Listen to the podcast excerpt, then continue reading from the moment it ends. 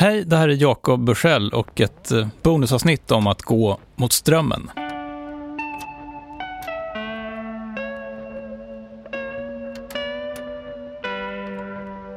Just finansbranschen har ju kanske inte varit känd för sin höga innovationstakt, eh, i alla fall inte fram till dessa dagar då det hände desto mer. Men länge var ju finansmarknaden en plats som dominerades helt av stora banker och det var inte så lätt att göra saker själv. Vilket gör Magnus Alfredsson till ett tecken i tiden och en symbol för att det börjar bli nya tider. Mitt i karriären så sa han upp sig från sitt jobb och tog initiativ till en ny fond. En fond där folk skulle få möjligheten att investera i lösningen på klimatkrisen. Och efter tre år så har han lockat till sig över 70 000 svenska sparare. Det hade varit bra för en bank, men för en ensam kille i Lund så är det helt sensationellt. Vi ska höra Magnus historia och historien bakom den här fonden som heter Proetos. Och jag ska säga att eh, det här är ett sponsrat avsnitt. Kapitalet samarbetar med Proetos och Magnus. Hans historia, den börjar i Skåne på 70-talet. Jag eh, föddes utanför Helsingborg i en liten by som heter Mörarp och så sen så flyttade vi till, eh, till, till Helsingborg någon gång när jag var 15-16. Gick i skolan där. Eh, min mor är arbetsterapeut och min eh, far jobbar som inköpare på ICA Frukt och Grönt. Magnus växer alltså upp i en helt vanlig mellanstor stad, om man nu kan kalla Helsingborg för det, eh, och i en till synes vanlig familj. Och som många andra unga personer i början av livet och karriären så blir han intresserad av ekonomi och pengar. Han kommer in på universitetet, han läser nationalekonomi och företagsekonomi och så blir det IT-yra och Magnus börjar hålla på med aktier. Eh, ja, det gjorde jag. Eh, och jag hade gjort mina första köp i eh, lite olika bolag, bland annat Ericsson. Jag jobbade på bank den sommaren, satt i kassan, tjänade lite extra pengar och köpte lite olika aktier. Och var ju en av många givetvis som i stort sett la om allting när, när bubblan sprack. ja, jag känner igen det.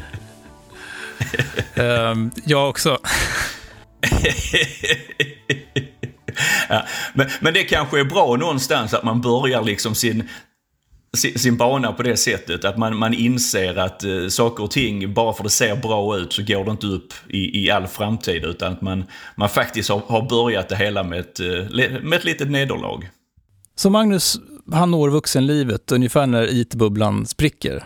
Han jobbar på Föreningssparbanken som rådgivare och försöker hjälpa andra människor med deras placeringar och pengar. Han får jobb på Handelsbanken i Frankfurt och får inblick i finansmarknadens innersta maskineri. Och som i åren kommer han hem igen och jobbar som rådgivare mot rika individer. Det som i finansmarknaden kallas för private banking. På både längden och tvären så är det här en bra karriär.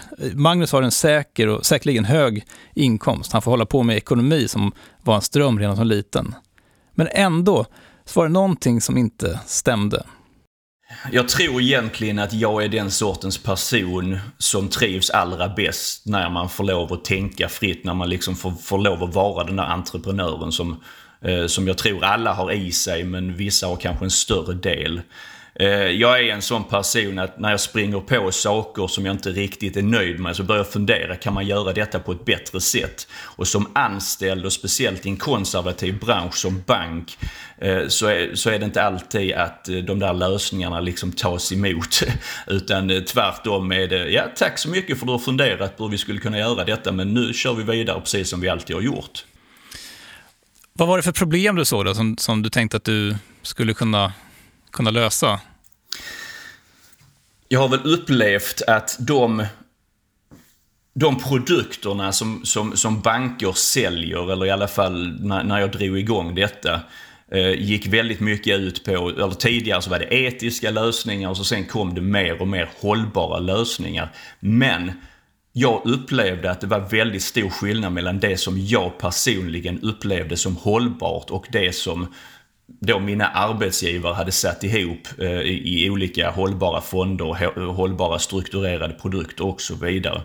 Eh, så det var en frustration, en vilja att kunna göra detta bättre. Finns det någon punkt där du eh, bestämmer dig för att du, det är det här du ska göra? Och, och, och med allt vad det innebär liksom, för ditt liv i övrigt? Ja, och den punkten var vad kan det varit, fem år sedan ungefär. Jag satt på Bali tillsammans med min fru. Det var väldigt varmt ute mitt på dagen, eh, vilket innebar att vi drog oss tillbaka till, till hotellrummet och hade egentligen inte sådär jättemycket att göra. Då öppnade jag datorn och tittade på de aktierna som jag personligen ägde. Och konstaterade någonstans att väldigt många av de aktierna som jag hade i min portfölj eh, var egentligen inga aktier som jag ställde mig bakom. Definitivt inte värderingsmässigt. Det var flygbolag, det var oljebolag, eh, det var slit och släng-lösningar eh, och ingenting som jag hade valt för att jag trodde på det jättemycket. Eh, utan det var... Jag hade följt olika rekommendationer och eh, det, det, kändes, det kändes helt fel.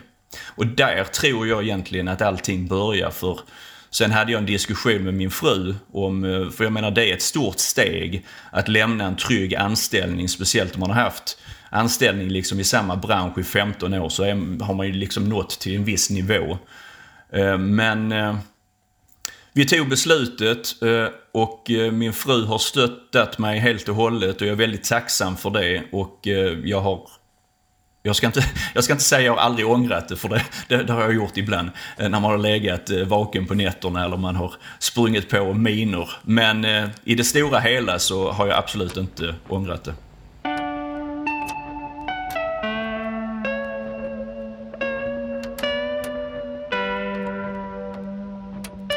När du började drömma om, om den här fonden, hur, hur tänkte du att den skulle se ut och vad du skulle investera i?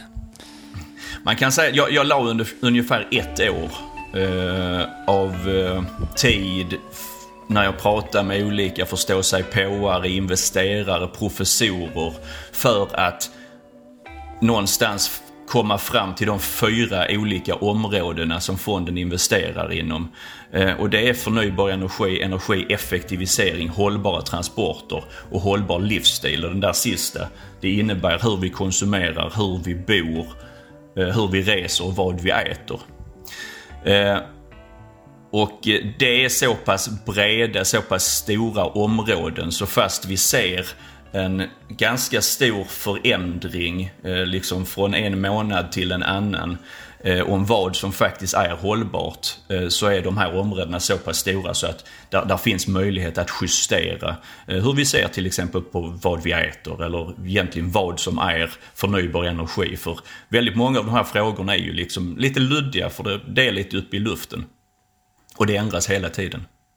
Hur ser det här, det här urvalet som du gör eh, i slutändan, vad, vad, vad baserar du det på? Är det något speciellt du letar efter i de här företagen? Företagen måste ju, de måste vara så pass nischade så att de, de, hela företaget får plats genom de här fyra olika kategorierna. Eh, sen ska det vara börsnoterat och så sen är det väldigt viktigt att det, det liksom får plats, eller det, det, det har en bra plats i fonden. Eh, och då helt plötsligt är det ju diversifiering som jag pratar om. Eh, så istället för att ha ännu ett svenskt företag så skulle jag hellre kanske hitta ett företag eh, i Japan som, som håller på med vindkraft istället för att sätta upp ännu ett, eller investera i ännu ett europeiskt. Så det, där finns lite olika sätt att, att tillföra diversifiering i portföljen. Men sen som ansvarig förvaltare så har jag givetvis en, eh, vad ska vi kalla det, fingertoppskänsla eller Någonstans är det en magkänsla. Eh, gör en analys, tittar på all information som finns, tittar hur andra har värderat det här bolaget eh, och sen är där ett, ett regelverk som, som, som säger egentligen hur stor del av fonden som man ska investera i olika bolag. Och då är tumregeln, desto större, desto stabilare bolag, desto större del i fonden. Är det ett litet, mega högriskbolag, då får man också en väldigt, väldigt liten del i fonden. Om det skulle vara så att jag bestämmer mig för att, för att investera i det. Mm. Du säger också att, att du har velat skapa en fond som du själv hade velat investera i. Mm. Eller hur? Yep. Eh, och, och, så det ena är då liksom bara placeringsinriktningen, att det ska vara, man ska investera i lösningen på, på klimatproblemen då. Finns det något annat, någon annan aspekt av den här fonden som du tycker som du vill liksom utforma på ett annat sätt än vad branschen gör för att det ska vara någonting som, som ja, du själv hade velat investera i? Man kan väl säga så här, priset är ju en viktig del. Det får aldrig vara dyrt. Om man sparar långsiktigt så får det aldrig vara dyrt. Eh, för det, det, är aldrig en bra, det är aldrig en bra investering för spararen. Det är alltid en bra investering för eh, det är alltid en bra grej för banken eller för fondbolaget men inte en bra investering för, för den som sparar. Eh, så priset är en väldigt viktig del. Eh, sen har jag också försökt göra så här att det ska vara enkelt. Eh, ofta när man har suttit i rådgivningssituationer på banken så kanske man har lagt fram tre olika alternativ framför kunden. Och har man suttit och pratat fram och tillbaka så efter 45 minuter så vänder kunden på det och säger Men Magnus, vad tycker du? Du känner ju mig. Vad tycker du jag ska välja? Och istället då för att ha tre olika alternativ eller som vissa banker kanske har eh, 90 olika fonder. Eh, så tror jag att det är bättre att ha en lösning, en fond som passar i stort sett alla. För den här fonden funkar bra som ett komplement till i stort sett alla sparare. Eh, säger inte, definitivt inte att man ska sätta in alla sina pengar i det. Eh, utan se det som ett komplement till, till den fondportföljen som man har sedan innan. Eh, väldigt viktigt att tillägga, det är ju långsiktigt sparande. Så har man en, en tanke om hur marknaden ska gå de närmaste 3-4 månaderna så är definitivt inte en blandfond liksom det man bör hoppa på utan då, då finns det både bättre och billigare lösningar. Men vill man ha en enkel lösning som är billig, bra och hållbar, passar i stort sett alla eh, så skulle jag säga att eh, då kanske man bör titta på den här fonden som ett komplement. Mm. Och hur har det gått då? Det har gått väldigt bra. Det är eh, nästan skrämmande bra. Eh, första året, fonden har funnits i lite över tre år. Första året så gick det ungefär som index, en 3-4% över. Eh, men sen helt plötsligt 2019 så stack det iväg fonden upp 49, eh, förlåt, 48 procent och förra året så gick fonden upp 63 procent. Eh, och då förstår de flesta liksom att det kan inte hålla i sig på det här sättet. Man, man kan ha en syn på att de här olika områdena som vi investerar inom kommer att ge en ökad till, eller det kommer att vara en ökad tillväxt jämfört med liksom index inom de här olika områdena så därför skulle man kunna motivera en högre avkastning. Men det är någonting vi får titta på liksom om tio år när vi sitter och, och räknar på det och tittar historiskt helt plötsligt. Eh, men eh, väldigt, väldigt bra har det gått. Det här är område som får väldigt mycket uppmärksamhet i media. Eh, där är väl en, en fejkad efterfrågan, om jag får kalla det det, genom att våra länder, regioner, kommuner och så vidare har lovat att man ska uppnå vissa klimatmål. Eh, och då måste man gå igenom många av de här olika företagen som vi har investerat i. Det kan inte vara så här att om man ska bygga en vindpark så kan man inte gå till vilket företag som helst och säga att man vill, man vill sätta upp en vindpark utan då är där 10-15 olika bolag kanske som man kan välja inom. Eh, och många av de aktierna har vi har vi, eh, och många av de företagen har vi redan investerat i. Eh, så jag tror att detta, de här olika områdena tror jag definitivt på. Eh, men jag tycker ju att alla sparare liksom ska titta nyktert på det. Tänka igenom sin egen situation och känna efter. Det finns många bra fonder att välja mellan. Och Proetos fond är ännu en som man kanske ska titta på. Hur har det varit då att, att inte var en bank, utan var en entreprenör från, från, från Lund som, som driver en egen fond. Har det inte varit svårt? Både och. Eh, det är... Där, där är en del av det som, som, som är väldigt enkel. För besluten är aldrig liksom svåra när man tänker efter och möjligtvis bollar sina tankar och idéer med, eh, med, med personer i sin omgivning och så sen kan man ta besluten. Eh, så den aspekten gör ju att detta har varit väldigt snabbfotat, väldigt flexibelt. Eh, sen visst, det är ju en trygghet med att vara en del av en bank, en del av det etablerade. Men jag har ingen önskan om att vara en del av just det etablerade utan jag är hellre ensam på en helt ny planhalva där jag får sätta reglerna eh, än att eh, ställa sig i, i leden tillsammans med alla de andra och nicka när alla de andra nickar.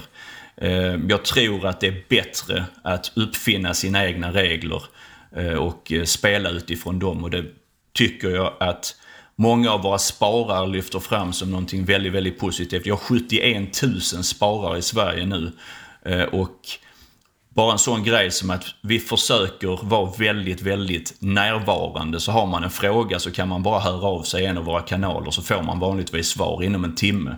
Eh, och det kanske inte är någonting som man, man eh, ofta tänker att om man, man kontaktar en bank så får man nog inte ett eh, svar inom en timme. Och definitivt inte från en, en fondförvaltare. Är det kul? Detta är det roligaste jag har gjort i mitt liv, yrkesmässigt. Det är helt fantastiskt.